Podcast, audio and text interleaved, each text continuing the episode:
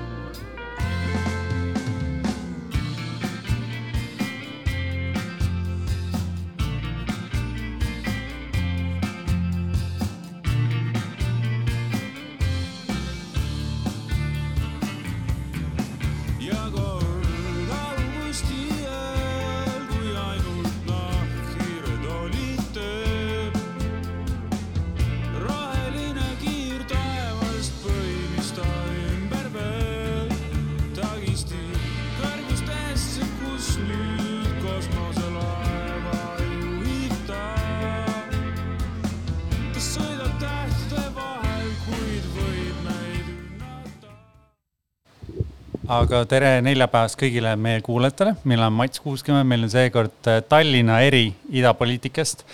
kuigi meil on üks endine Londoni elanik, kes on ka meie saates, küll kaug-, kaugelt äh, ühineb. nii et, et päris natuke Londonit on meil ka täna. et meie saatekülaline on endine väliskaubanduse IT-minister Kaimar Karu, kes oli siis kaks tuhat üheksateist, kaks tuhat kakskümmend minister ja var- varasemalt ja hiljemalt töötanud väga paljudes põnevates IT-ettevõtetes, näiteks Skype'is. ja ma arvan, et sa tegeled vist väga paljude erinevate IT-valdkondadega, tootearendus, kasvu, innovatsiooni nõustamine. ja, ja varem oled lõpetanud Tartu Ülikoolis filosoofia magistri. nii et väga-väga põnev saatekülaline on meil täna, kelle nimi on Kaimar Karu, tere. Ja ma kuulen sind ka lõpuks õigesse mikrofoni, mis on suurepärane, suurepärane pluss ähm,.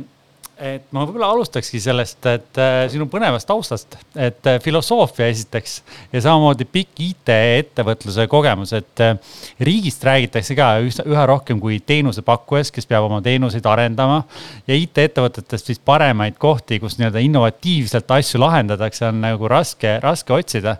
et, et kui sina läksid oma IT-kogemusega riigitööle, et kas seal oli ka midagi sarnasusi või, või, või sarnaseid rakendusi, oskuseid, mida sa said riigis rakendada, nii palju, kui sul on võimalus riigi, riigitöös äh, ka asju teha? noh, võib-olla üks konkreetsem asi, mis tuleb erasektoris kindlasti kaasa, on, on suurem julgus eksperimenteerida. ja mitte ilmtingimata sellepärast, et seal inimesed on teistsugused, sest inimesed ju tegelikult liiguvad era- ja, ja avaliku sektori vahel kenasti.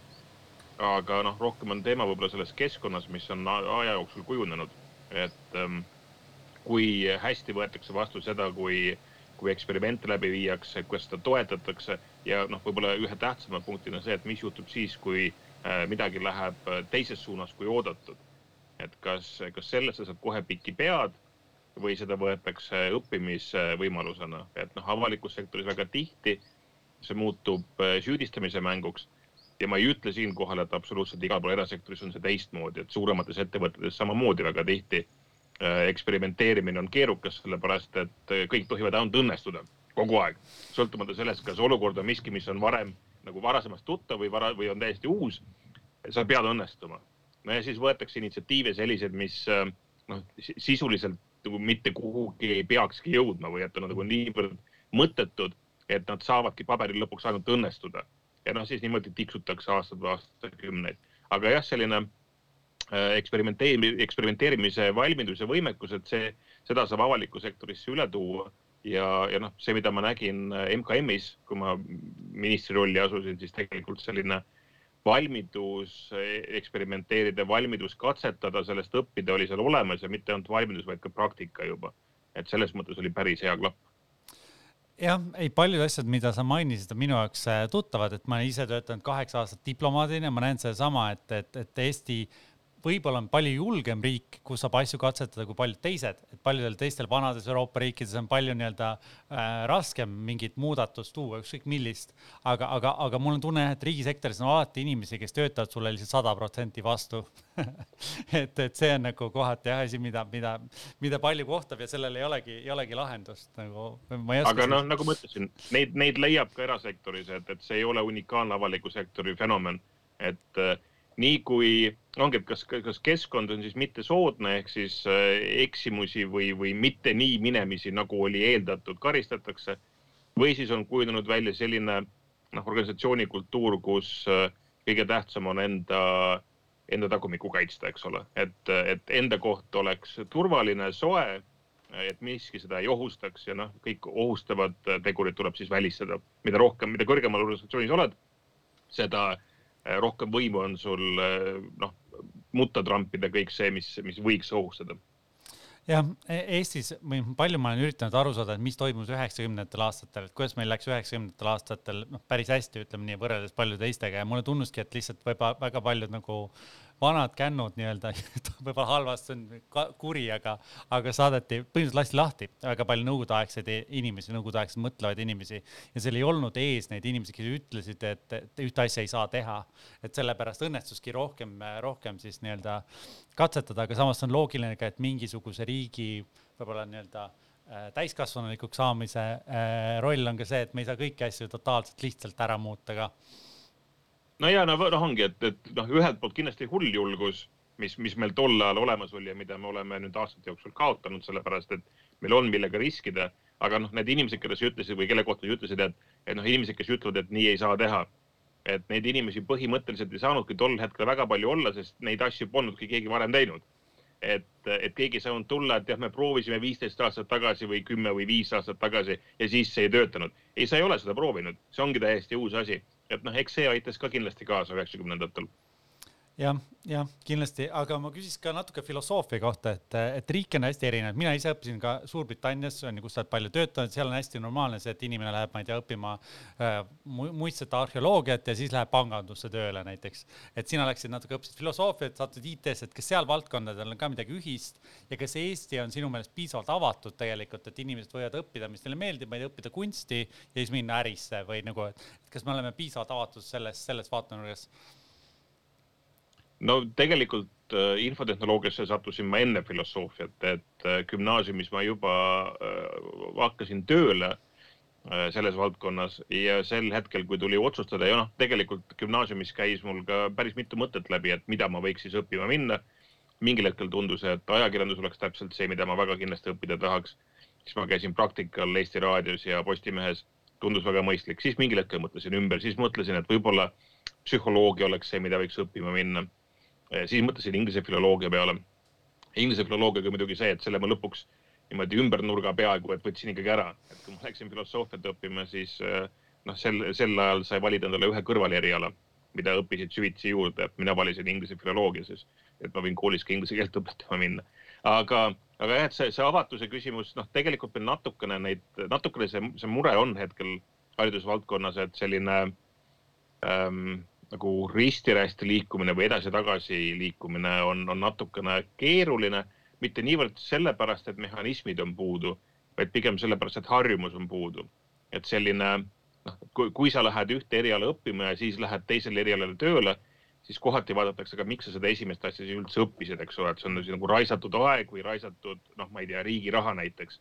aga ja noh, kui, ütleme siis noh, filosoofia mingis mõttes ka ka, ka, ka nagu, ma ei taha öelda eriline, aga, aga teistsugune.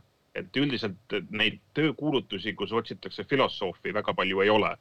et kui sa ei lähe just teadustööd tegema, noh, ei jää ülikooli teadustööd tegema, siis ametialasele tööle, noh, ametialast tööd kui sellist ei ole olemas ehm, küll aga on Tartu Ülikooli filosoofia inimesi jõudnud noh, paljudesse eluvaldkondadesse Eestis, et, et see annab sellise laiapõhjalise hariduse mulle tol hetkel see sobis väga hästi, ma olen sellega väga-väga rahul.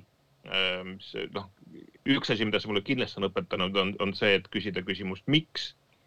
Ehm, kohati võetakse seda positiivselt, kohati võetakse negatiivselt, no alati ei taheta, et küsitakse, miks.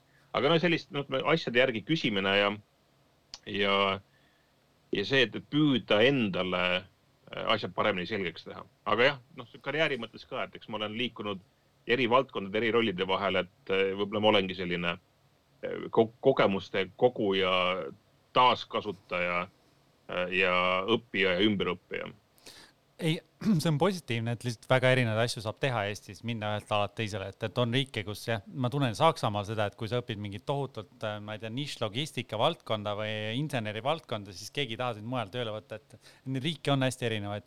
Eesti puhul, mida ma näen ka, et meil ei ole neid topelt, äh, nagu sa ütlesid, et sul võib olla selline väiksem ala, mida sa siis ülikoolis õpid kõrvale, aga ei ole topeltdiplomeid väga, et, et, et, et Suurbritannias seda ma näen palju rohkem, et paljud inimesed, nad ei suudagi valida täpselt, mis nad tahavad teha. et selles mõttes on see voolavus hea, et sa saad seda ressurssi hiljem siis rohkem kasutada. ja, ja ma tunnen jah seda, et, et võib-olla näiteks kultuurivaldkond on Eestis väga-väga kõrgelt arenenud, aga meil ei ole piisavalt nagu, meil ei ole kõrgeid makse, me ei kuluta sellele piisavalt palju ja inimesed ei leia piisavalt rakendust, et, et, et jah, selles no, mõttes. ja noh, ongi, et rak-, ja nagu rakendus enese, noh, et mis see rakendus on, et kas see rakendus on eneseteostus või see rakendus on palgaline töö ja noh, see natuke viib ka selle juurde, et, et kuidas me kultuuri Eestis näeme, eks ole, et kas ja kuidas me seda väärtustame ja, ja noh, see küsimus ka, et millega me seda vastandame. et eh, noh, kohe kohati kumab ka veel seeläbi, et, et selline noh, ma ei tea nagu vap, nagu vabrikutöö vastandub kultuurile või kultuur vastandub vabrikutööle, et üks on nagu päris ja teine nagu ei ole päris. ja et kui, ehm, kui me investeeringuid teeme, siis ja valikuid teeme, siis peaksime ühte panustama ja teine on selline noh, nagu no, kuidas ma ütlen, tiluilu jah, et noh, siis kui aega jääb üle, siis võib neid asju ka teha. Äh, mõistmata, mis on kultuuri roll äh, riigi ja rahva püsimises. et, äh, et noh, ühesõnaga ja, ja ei, ei kultuuri mina isiklikult väärtustan loomulikult väga, aga selles mõttes on natuke inimestele valetamine, kui me koolitame palju rohkem inimesi, kui selles valdkonnas on, noh, mõnes valdkonnas on tööd, selles mõttes seal on, on aspekte. aga räägime natuke Suurbritanniast, kus sa oled ka pikalt elanud, töötanud, et kui sa Eestit ja Suurbritanniat, ma ei tea, tööelukeskkonnana võrdled, et mis on mõlemal, mõlemal paremini, mõlemal võib-olla kehvemini? no erinevad on need kultuurid kindlasti um noh, mina elasin, töötasin Londonis ja London selles mõttes on jälle muidugi teistmoodi, et, et sinna tulevad kokku inimesed ümber, ümber terve maailma. et, ähm, et võib-olla selline Briti töökultuur, äh, mis on mujal saarel ja saartel, et see võib-olla on noh, keskmiselt natuke teistsugune kui see, mis Londonis toimub um,. võib-olla selline noh, nagu töökuse teema tegelikult natukene ikkagi või töö, töökuse osas äh, on, on siiski väikesed äh, erisused. et kui äh, eestlane kipub olema väga töökas, see nii töökas, et ta noh, rabab ennast kasvõi surnuks, siis äh, Inglismaal, aga ka mujal riikides tegelikult on, on noh, viimaste aastakümnete jooksul tasakesi juurduma hakanud see, et, et võib-olla ei pea ennast surnuks töötama äh, absoluutselt igas valdkonnas, absoluutselt igas rollis et natukene seda töö, eraelu tasakaalu on võib-olla rohkem. Ehm, noh, sotsiaalse elu poole pealt ka, et, et noh, ütleme selline pärast tööpäeva Eestis pigem pubisse ei minda õhtul, Inglismaal pigem minnakse. aga samas, kui sul on kontoris inimesed või suurem osa inimesi, kes elab tunni või kahe tunni kaugusel Londoni kesklinnast, ehk siis nad peavad minema rongi peale ja sõita koju see tund, poolteist, kaks. noh, siis nad võtavad ühe või kaks õlut ja siis nad lähevad ära eestlaste puhul noh, vähemalt minu kogemus ja ma siin ei ütle, et minu kogemus on, äh, on ainus võimalik, aga minu kogemus on see, et kui eestlane läheb ähm, pubisse õlut jooma, siis ta ei lähe sealt pärast esimest õlut ära, et ikkagi jääb mõnevõrra kauemaks. Äh, et noh, sellised igapäevaelulised erisused võib-olla ka. aga noh, enamasti on ikkagi see, et, et kollektiivi, kollektiivi iseloomu ja toimimise ikkagi määravad need inimesed, kes seal, kes seal on, et see sõltub vähem sellest äh, riigist ja rohkem inimestest, et on kõik mõjutatud ja kui sul ongi, ma ei mäleta, palju meil neid seal rahvuseid lõpuks koos oli, noh, ma tahaks öelda kakskümmend pluss eri rahvusest inimest, et, et sellises kontoris töötades ei noh, ei, ei saagi võib-olla rääkida Inglismaa või Londoni töökultuurist, et see on ikkagi väga spetsiifiline nende inimeste koostöö selles konkreetses ettevõttes. Ei, London on kindlasti riik riigis, aga samas jah, mida, mida me näeme, on ju, see on siin saates palju räägitud, et ebavõrdsuse kasv igal pool, et see, et, et pead tund aega rongiga koju sõitma, on ju päris karm mõnes mõttes. aga samas see on ikkagi väga noh, Euroopa üks edukamaid äh, linnu igas, igas mõttes. et, et sellel on omad plussid ka. aga ma hüppaks Eesti e-tiigri e juurde natuke veel, kui sina kui IT-ettevõte, IT, siis olla endine IT-minister, et, et mis sa arvad meie e-riigi seisust, sest palju kiidetud maailma mõistes läheb kindlasti, ma arvan, jätkuvalt meil hästi, aga samas aeg-ajalt ütlevad kriitikud, et meie e-tiiger on suremas või väsimas või et kas neil on ka, neil on ka alust, kas on mingeid asju, mis on, mis oleks vaja kiiresti ära teha näiteks?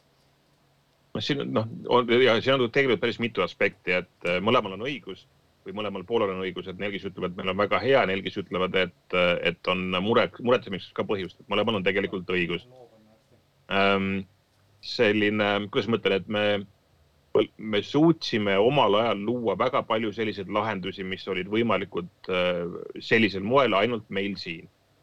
mis on ka üks põhjus, mille pärast noh, meie lahenduste eksportimine väga lihtsasti ei lähe, sellepärast et, et tegemist pole ainult tehnoloogia küsimusega, tegemist on ikkagi ka ühiskondliku valmisolekuga, tegemist on äh, seadusandlusega, mis seda kõike toetab. ehk siis meil kõik need asjad langesid kokku Äh, mitte juhuslikult, vaid läbi raske töö, aga sellegipoolest. Et noh, siis selles mõttes nagu raske võrrelda meid, ma ei tea, Inglismaa või Saksamaaga, sest nende keskkond, kontekst on hoopis erinev. Äh, kui ma ministri rolli asusin, siis äh, noh, üks asi, mida me hakkasime kohe üle vaatama, oligi see, et, et mis, millise, milline on siis see tervislik seisund meie digiriigil erinevatel lahendustel, mis seal kasutatakse erinevate ministeeriumite all ja noh, nagu lühi, lühikokkuvõte on see, et ähm, üht-teist tuleks üsna kiiresti paremaks muuta küll äh,. ja noh, kui, kui ma sellest äh, teiste ministritega rääkisin, noh, meil on ikkagi niimoodi, et ministrid äh, vastutavad oma ministeeriumi siis haldusala ja, ja ka rakenduste eest. mitte ei ole siis üks, kõik ühe IT-ministri käes, eks ole. et noh, nende jaoks peab olema ka selge mis on riskid ja, ja kuidas neid võiks lahendada. et üldiselt see nõusolek selle osas, et võiks kiiremas korras asja kallale asuda, tuli pärast olukorra kirjeldamist ja selgitamist äh, väga kiiresti. ma isegi olin natukene üllatunud, kui kiiresti see tuli. Äh, aga tõepoolest, et mitmed meie taristu komponendid on üsna vanad Äh, mis toob kaasa erinevaid riske. Äh, mõned neist on ehitatud natuke teistsuguste lahenduste jaoks, kui meil täna äh, kasutusel on. ja paljud neist ei ole ehitatud nende võimaluste jaoks, mis täna kasutusele saaks võtta. Ehk siis seda kõike tuleks adresseerida. Ja noh, see on selline mitte odav projekt ja see ei ole ka noh, võib-olla isegi on vale öelda, et see on projekt, et see on ikkagi pigem selline järjepidev töö, mis tuleks lihtsalt käima lükata. Suuremas mahus võib-olla, kui see on siiani käinud. Et ega Eesti e-riik ei ole ka paigal ju seisnud, et pidevalt arendatakse, parendatakse, lahendatakse murekohti. Ähm, aga natuke see, noh, see nii-öelda see tati ja teibi teema, millega osad asjad on kokku tõmmatud, et, et see ikkagi kehtib. üldine seis ei ole väga halb, aga potentsiaalseid suuremaid riskikohti on päris mitmeid, nii et muretsemiseks on põhjust, aga paanikaks veel põhjust ei ole. Ei, see on, see on, see on väga hea, hea kokkuvõte, hea teada, mida, mida ma ise tunnetan, see traditsioonilised Eesti IT-võtted, ettevõtted, kes on siis e-riiki ehitanud, nad alati tahtnud oma toodet müüa, aga tegelikult on konsultatsioon see, mis on palju väärtuslik, sest kõik riigid on tõesti nii erinevad, nagu sa ütled ähm,. aga, aga mis mul on tunne ka see, et, et et ikkagi kõige olulisem on poliitiline tahe, et kui see poliitiline tahe on olemas suurelt midagi nii-öelda muuta, uuendada, siis need asjad saab ka tehtud. ja see peab olema hästi järjekindel ja hästi tugev ja see, see on tihti paljudes riikides ikkagi puudu. et nad ei kujutagi ette, ka need poliitikud ei kujutagi ette, et see e-riik on hästi tehtav, ma ei tea, Saksamaal, kasvõi mingites osades.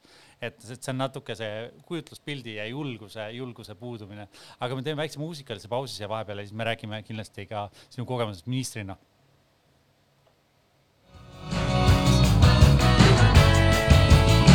my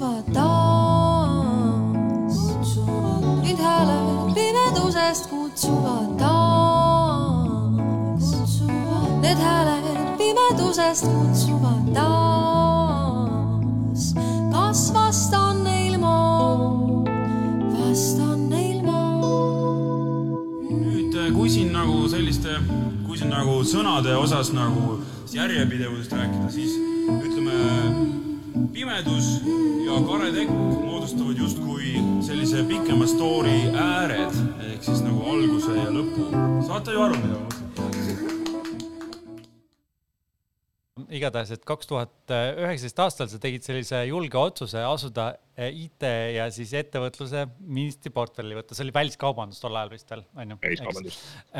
ja see konkreetne portfell natuke on muutunud küll, aga viimase, aastast kaks tuhat neliteist aastat on olnud kümme erinevat ministrit, et siis alguses Urve Palo, Liisa Oviir äh, ja uuesti Urve Palo sotsidest, siis Rene, Rene Tammistel ja siis Ma- Marti Kuusik, Gert Kingo, sina, siis Raul Siem oli, olid EKRE-st äh, selle, selle, seda portfelli haldamas ja seejärel siis ähm, Andres Sutt Reformierakonnast ja Kristjan Järvan, et, et see on väga palju liikunud portfell, mis näitab kindlasti natuke ka Eesti poliitika ebastabiilsust kohati.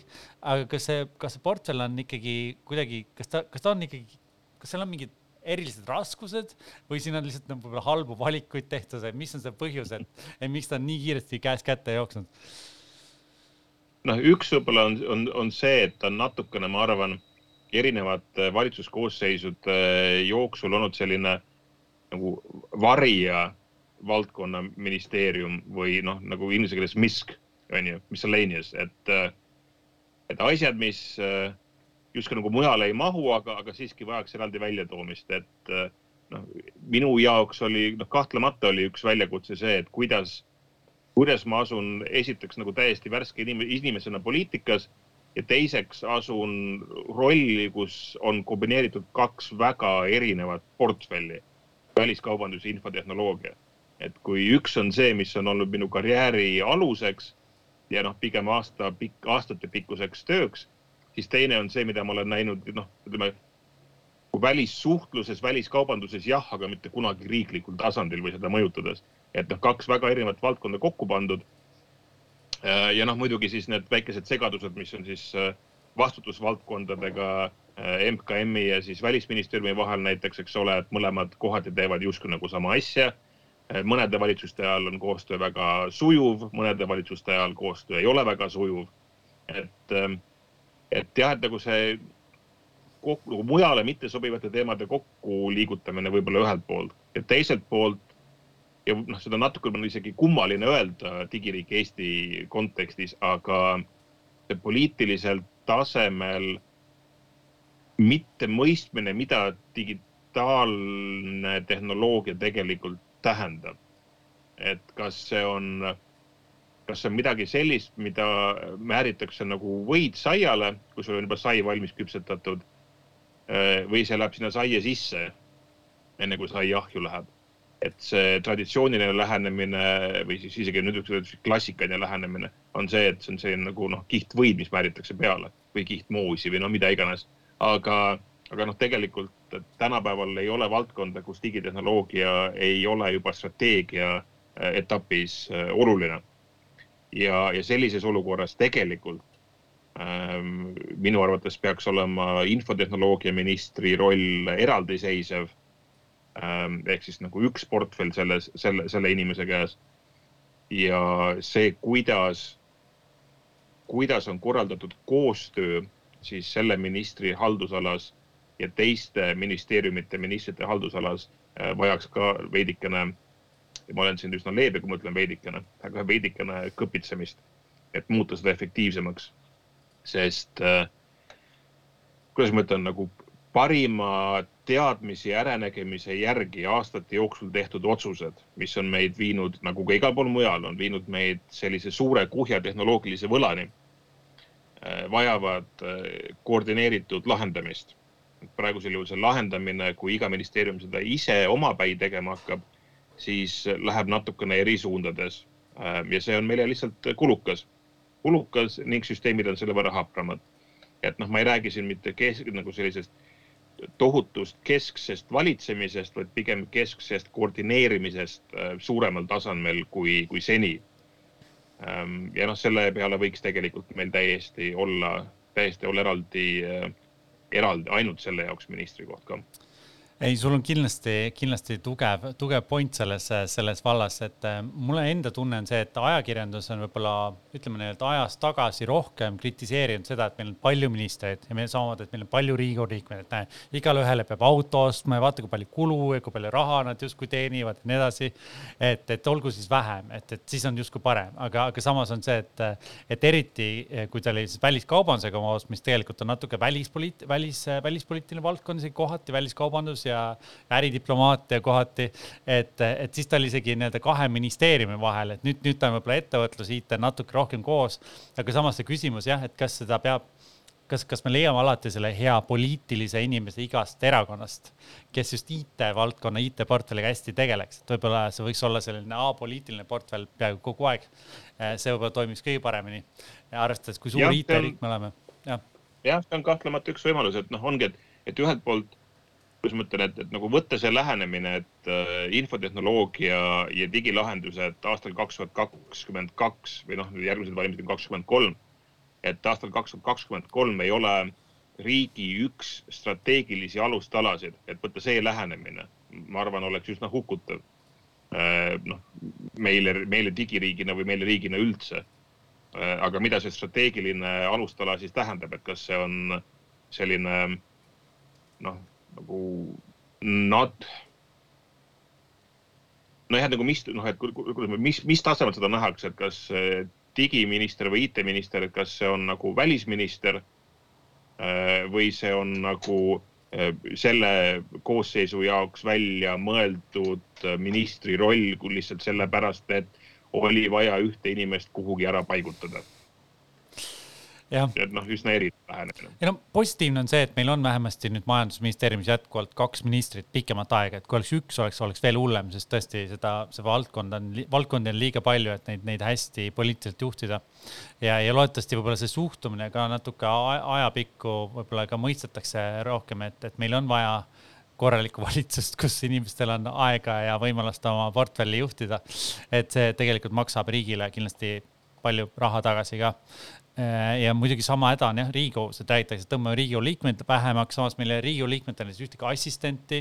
et ma tunnen, et sealt on nagu see kvaliteedi, kvaliteedi puudus, et Suurbritannias, kui nad äh, nii-öelda vaidlevad seal parlamendi alamkojas näiteks peaministri, ma ei tea, küsimuses on midagi sellist. ega need parlamendisaadikud ise neid ette valmistavad, need on alati teised inimesed, et, et ma näen, et, et Eesti poliitikas on jah, see suhtumine, et kuidagi kõik asjad on kallid.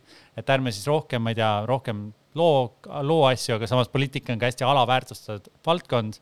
kui sa sinna lähed, sa paned ise oma nii-öelda kõik asjad nii-öelda, paned avalikkuse ette.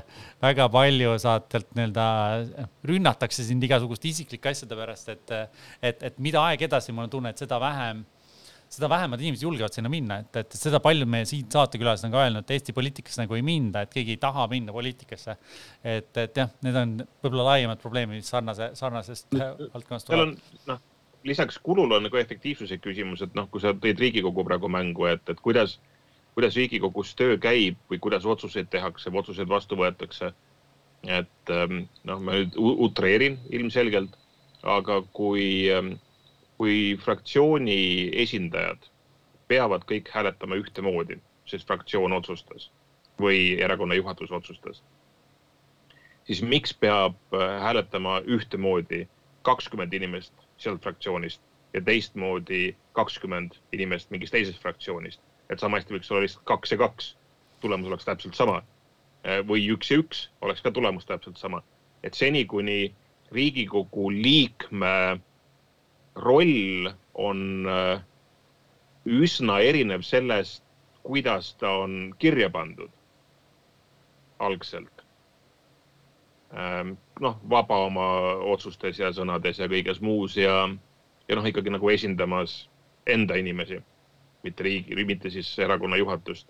et, et seni, kuni see Riigikogu liikme roll on selline kummitempi roll, no siis tõesti tekib küsimus, et miks meil sada üks inimest sinna vaja on, et meil on äh, noh, viis erakonda Riigikogus, noh, jaotame, jaotame suurusjärguga need inimesed ära, et noh, mõnel on seal kaks ja mõnel on kolm ja mõnel võib-olla üks inimene Riigikogus ja ongi kõik. et noh, kümnekesi või viieteistkümnekesi seal vaidlevad omavahel ja vahepeal teevad sellist noh, amatöör etendusi teevad seal ja siis rahvas vaatab või ei vaata ja ja siis järgmise nelja aasta pärast saame valida endale uue näitetrupi sinna e,. Ähm, või, või ja, ja. me võime siis mõelda, et kuidas, kuidas Riigikogu töö efektiivsemaks muuta ja mõistlikumaks ja sisukamaks ja siin ma eelistaks seda teist varianti, ütleme nii, sest et äh, mu enda tunne on see, et esiteks Riigikogus on komisjonid, mis peaks olema väga olulised ja, ja see, neid komisjone korralikult täita on, oleks muidugi raske, kui seal oleks palju vähem inimesi, aga, aga minu tunnetus on jah see, et mis sealt on puudu, ongi see, et ma ei tea, ma võiks ka, kaotada ära näiteks riigikoolaste autod, Saksamaal on suur arutelu, rohelised tahavad ära kaotada seda, et miks ministrid saavad tööauto tänapäeval et ma võiks need autod ära kaotada ja panna nõunikud selle raha eest enam-vähem kasvõi, et noored saaks kogemusi poliitikale lähemale minna et, et. aga see... vaata selle komisjonidega, noh, meil on ju tegelikult vaata, meil on Riigikogus päris mitu inimest, ma nimesid siin ei hakka nimetama, kes on sellised universaalsed inimesed, kes, kes vähemalt enda arvates suudavad absoluutselt igat valdkonda juhtida ja, ja suunata. et noh. meie välisminister äh, näiteks. aja jooksul meil, aja, aja jooksul on need meile kogunenud, et paneme lihtsalt nendest selle Riigikogu kokku, onju.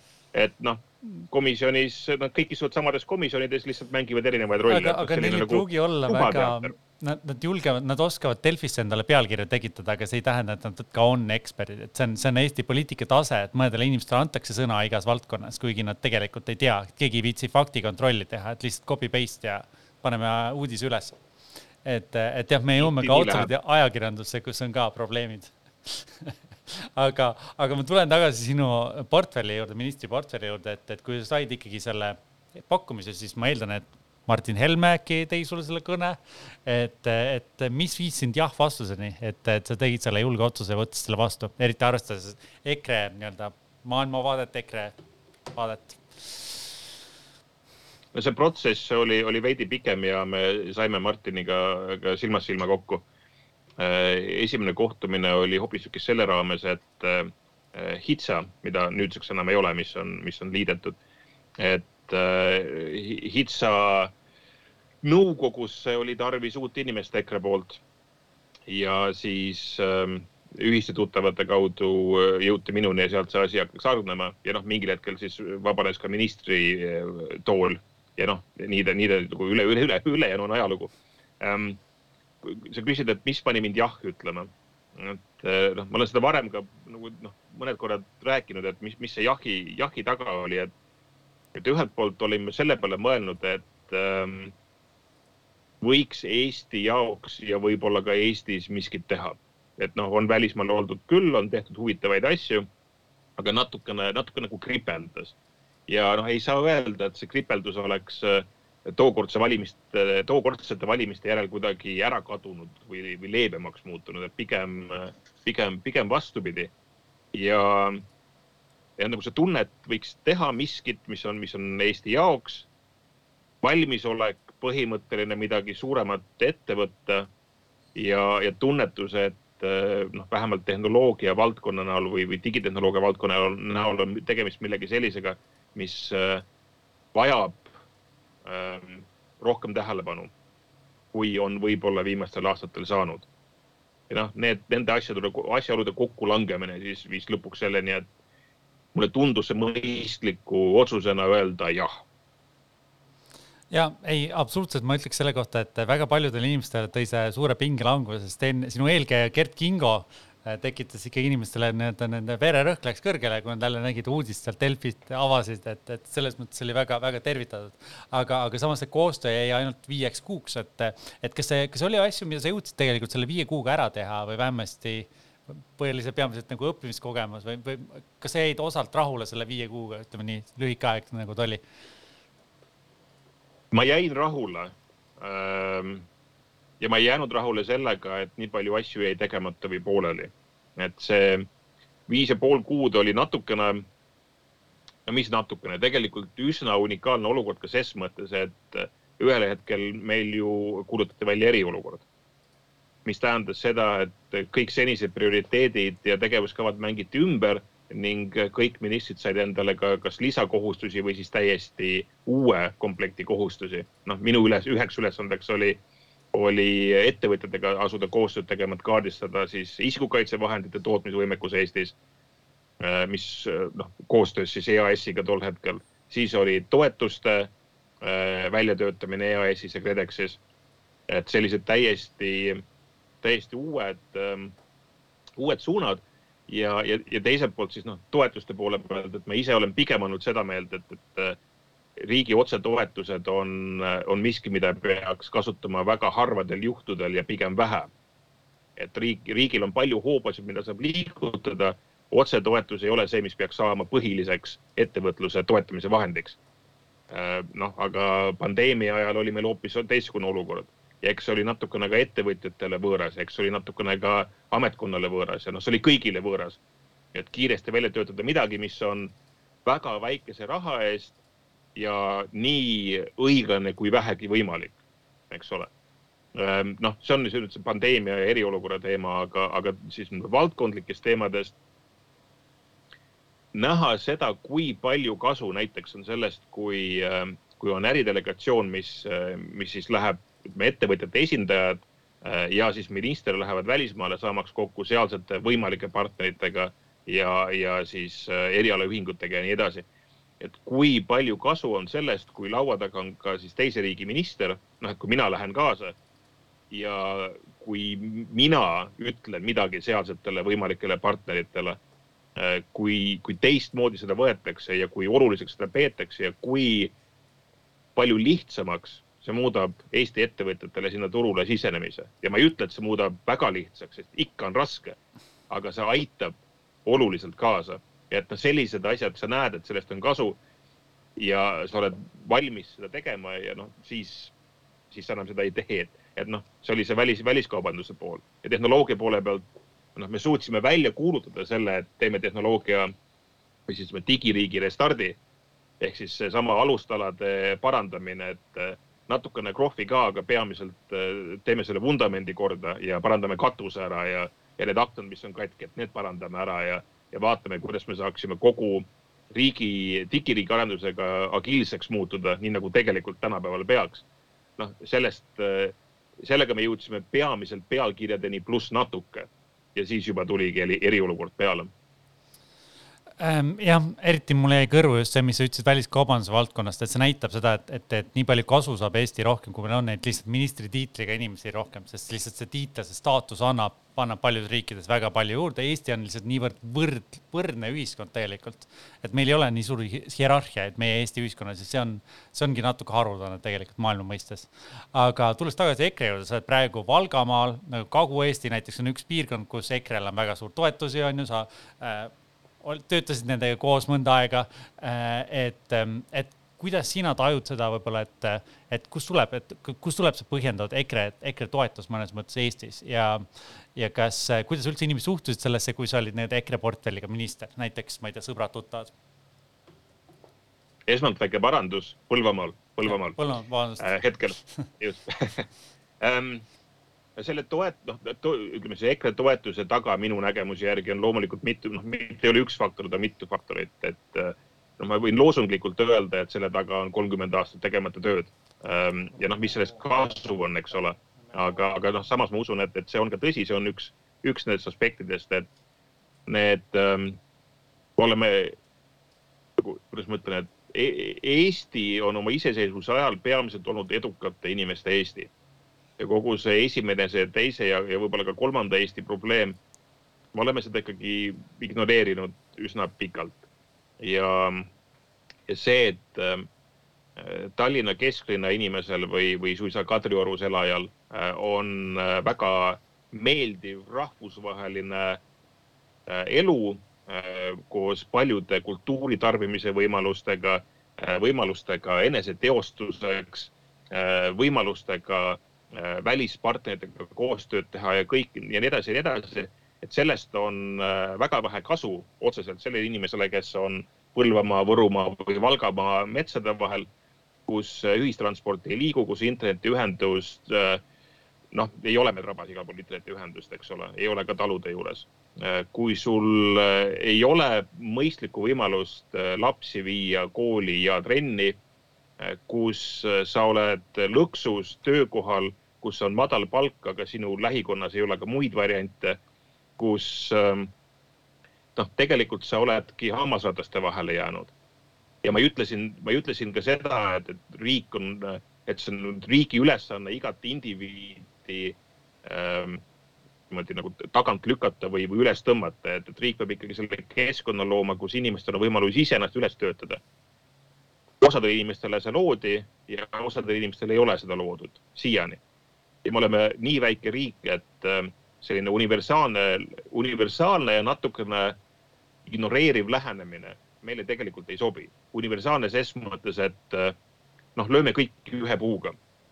et kui meie siin Kadriorus saame hakkama, siis küll nemad seal Võrumaal, Valgamaal, Põlvamaal, Viljandimaal, kus iganes saavad ka hakkama.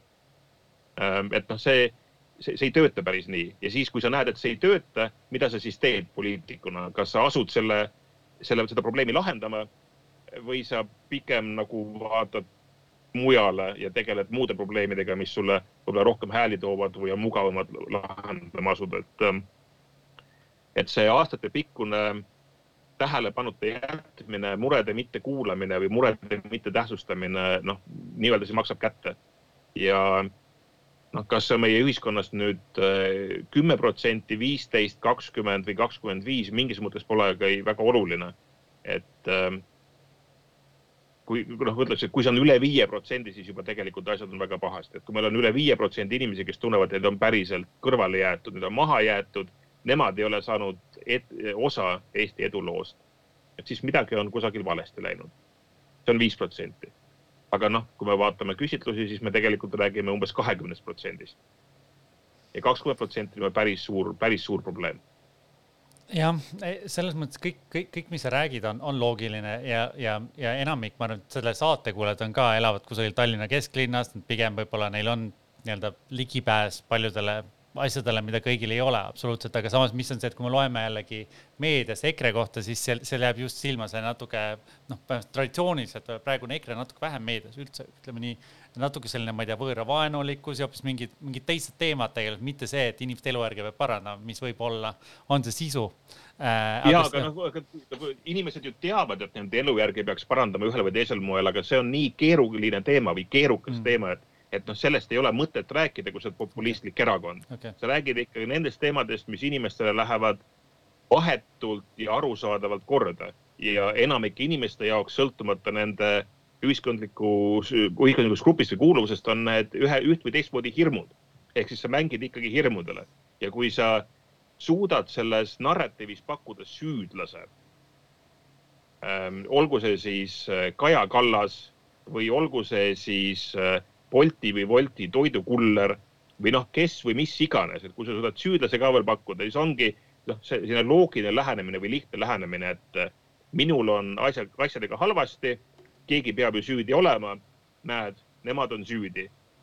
see ju ei aita tegelikult mitte kedagi, et see ei aita ühtegi muret lahendada, see lihtsalt äh, lõhestab ühiskonda, aga kui eesmärgiks on äh,, kui eesmärgiks on lihtsalt võim, noh, siis ei olegi tegelikult ju lahendusi vaja pakkuda. lahendused muudavad kõik asjad palju keerulisemaks ei, ei selles mõttes see on universaalne retsept ja me teeme vahepeal äh, muusikalise pausi, aga siis ma tahan veel rääkida rahvuslusest ja natuke teistest riikidest ka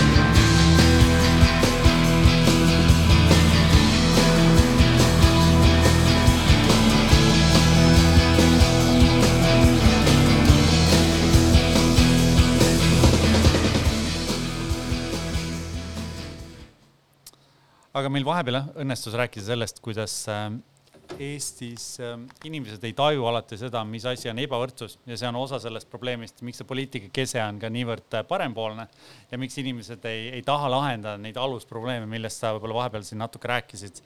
Ähm, ja, ja miks, miks tekib see pikaajaline rahulolematus ka Eestis, mis on, mis on kindlasti põhjendatud mõnes mõttes, et, et, et see on täiesti loogiline, see, millest, millest sa kõnelesid. aga, aga kui me nüüd vaatame tagasi äh, sellele ajale, et, et kas võib-olla, kas on midagi positiivselt muutunud sellest, et EKRE on võimul olnud sinu, sinu, sinu hinnangul näiteks, et kas, kas midagi on sellest õpitud või midagi on sellest, mida me võiks veel õppida sinu, sinu hinnangul?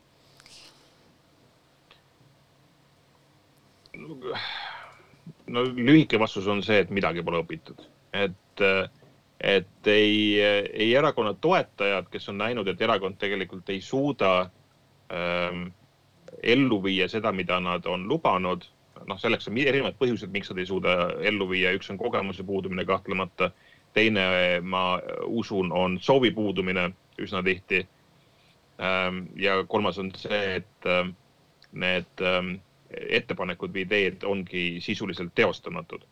et noh, ükskõik, kes seda prooviks, see, see ei ole tehtav aga ei ole õppinud ka need inimesed, kes äh, šoki sattusid siis, kui EKRE võimule tuli. Et äh, selle asemel, et vaadata, kas miskit võib-olla jäi varem tegemata. Äh, noh, esimene reaktsioon oli see, et nii kohutav, nii õudne ja teine reaktsioon oli see, tuleb neist kiiresti lahti saada. aga noh, tulemus on see, et, et kumbki osapool pole õppinud ja noh, need sellised võib-olla, võib-olla EKRE suurem pildile tulek tõi, tõi suurema tähelepanu alla selle, et meil on aastate jooksul tekkinud sellised väga tugevad ähm, peaaegu et nagu religioossed äh, liikumised erakondade taha. et äh, EKRE pooldajad on kahtlemata üks näide sellest, aga on selgunud, et tegelikult samasugused äh, seltskonnad on ka teiste erakondade taga. ja kui, kui aeg-ajalt on või noh, mis aeg-ajalt, tegelikult väga tihti on EKRE liikmetele ja toetajatele heidetud ette nende sõnakasutust äh,, ebasobilikku sõnakasutust, siis äh, jällegi, kui vaadata teiste erakondade nii-öelda fänniklubisid, siis ega nad alati väga kaugele maha ei jää ja vahepeal näitavad suisa eeskuju, noh küll negatiivset, aga siiski. et ähm, see, see, see murekoht, laiem murekoht Eesti poliitikas äh,, mujal ka aga ka Eesti poliitikas on see, et me ei suuda või poliitikud ei suuda aru saada sellest, et äh, kuidas ma ütlen, et eesmärgi poole liikudes tuleb aeg-ajalt teha jänesehaake selleks, et eesmärgile lähemale jõuda, sest eesmärk ise ka on liikuv. ja noh, kui vaatame, kas siis EKRE retoorikat või näiteks Isamaa retoorikat, räägime isamaalisusest ja rahvusriigi püsimisest ja kõigest muust. ja siis püüame suruda läbi otsuseid, mis tegelikult meid lühiajaliselt ja pikaajaliselt kahjustavad, mõistmata, miks on olukord jõudnud sinna, kus see on ja kuidas sealt tegelikult välja tulla. ütleme, see välistudengite teema on ju üks selliseid, et äh, selge, et meile noh, et nagu sihukese karmi häälega, et meile ei meeldi see, et meil on nii palju välistudengeid Eestis, miks nad tulevad siia õppima meie inimesed peavad saama ülikoolis õppida, meil ei ole vaja ingliskeelseid õppekavasid. aga vaata, kui sa need ingliskeelsed õppekavad kinni paned ja ingliskeelsed õppejõud ära lähevad, ingliskeelsed tudengid ka ära lähevad, siis alarahastatud haridusvaldkonnas ei ole sul enam ei kooli ega õpetajaid, kes neid eestikeelseid tudengeid õpetaksid. ehk siis püüdes justkui miskit saavutada, sa saavutad täpselt vastupidise. ehk siis kõrgharidus Eestis kukub kokku et noh, milleks, et siin ei ole väga, siin ei ole vaja mõelda ette seitseteist sammu, et siin on vaja mõelda ette kaks sammu. aga ja. ka vaadata tagasi kaks sammu, et miks me oleme siia jõudnud aga kui ma võtan su jutu kokku, siis poliitika kese on ju Eestis nagu, nagu sa enne rääkisid, see on natuke liiga võib-olla ikkagi parempool, et me ei lahenda neid probleeme, mis on maapiirkondades on ju, me ei lahenda võib-olla neid sotsiaalseid probleeme osaliselt, siis see, see on ignoreeritud, aga võib-olla ühe asja, mis ma tooks vahepeal on see, et sotsid valisid vahepeal uue esimese, esimehe, kes on siis näiteks endine vallajuht, et sealt läheb see natuke nii-öelda EKRE liikmetele, neil oli soov minna EKRE liikmetele natuke lähemale, ma ei tea, nad on kaks protsenti kasvanud võib-olla, aga, aga jah et kas, kas see on samm õiges suunas? sa ütlesid, sa ütlesid teist korda, et Eesti poliitika on võib-olla liialt parempoolne, ma ei tea, kas see on, ma arvan, et Eesti poliitika, see parem-vasak, eks ju, et kas Reformierakond on parem või vasakpoolne või istub praegu keskel ja No. kus kohas meil Keskerakond praegu asub, et eh, noh, kui ma nagu kriitiliselt ja lahmides ütlen, siis Eesti, Eesti poliitika pole mitte niivõrd väga eh, parempoolne või vasakpoolne, vaid Eesti poliitika on lihtsalt natuke liiga loll.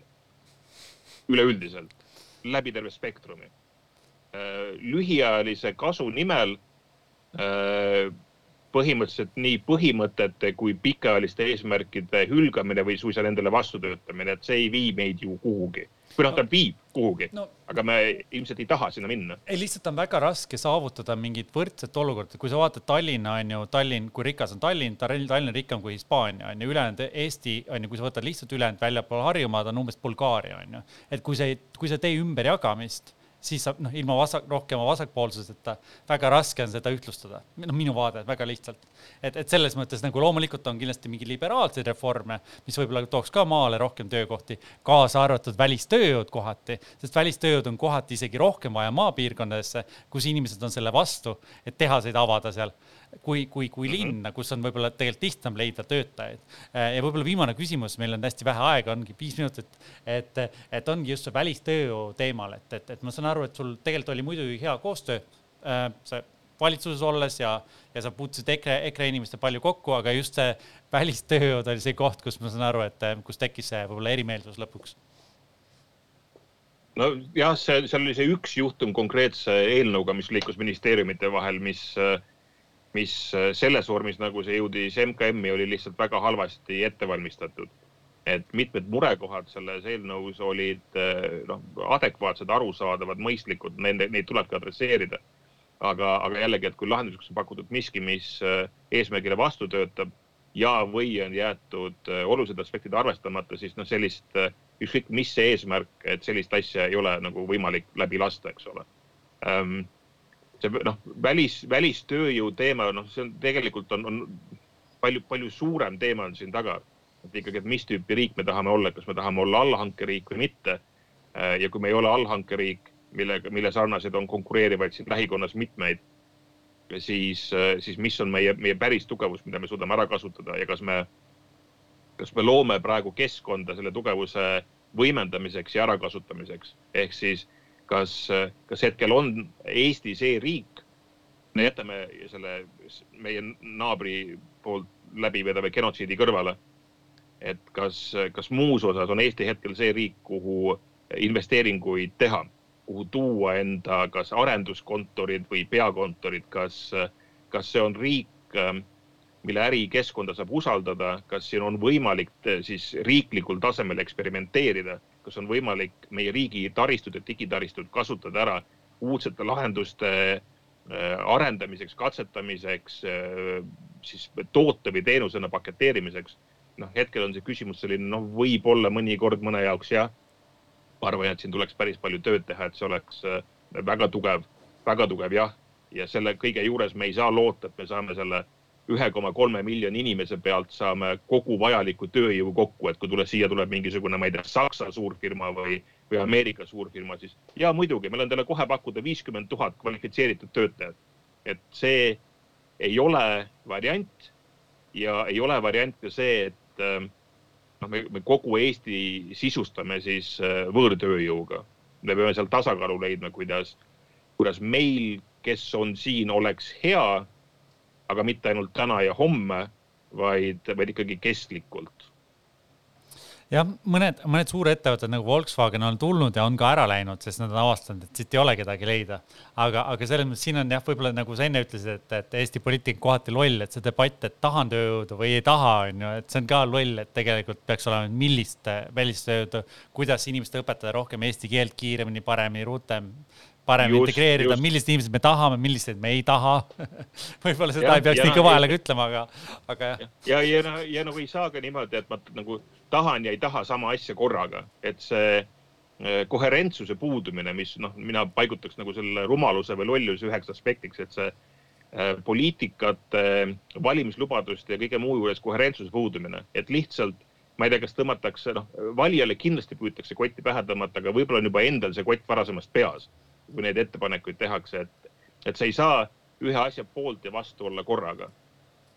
et sa noh, oled ühele või teisele poole ja see on nüansid, kuidas seda teoks teha, aga, aga kahte üksteist välistavat äh, asja korraga, noh, võib loomulikult tahta ja võib ka müüa valimislubadusena, aga noh, siis on see lõpuks valija äh, südametunnistuse peale, kas ta sellele rumalale lubadusele annab oma hääle või mitte ja viimase küsimuse ma küsiks sult veel, et, et, et EKRE-l on uus juht, Martin Helme, vahepeal muutunud, et natuke vähem on sellist võib-olla avalikkuse ees sellist võib-olla hullumeelset retoorikat.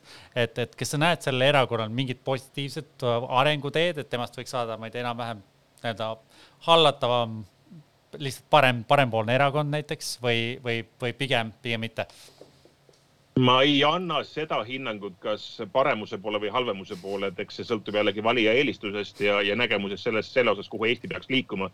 see tõenäosus, et äh, EKRE-st saab ühel hetkel mitte väga kauges tulevikus äh, peaministripartei, äh, see tõenäosus on nende aastate jooksul oluliselt tõusnud jah, selle peale mul ei ole, mul ei ole midagi öelda, ma arvan, et, et jah, sõltub, milline, milline, milline see on ja, ja mida teised erakonnad lubavad, lubavad teha, aga neid inimesi, kes ei tahaks seda peaministriparteiks, on, on ka palju. aga igatahes aitäh sulle, Kaimar Karu, et sa täna tulid meiega vestlema ja väga huvitav oli ja aitäh meie kuulajatele. ja kohtume kahe nädala pärast. nägemist. head aega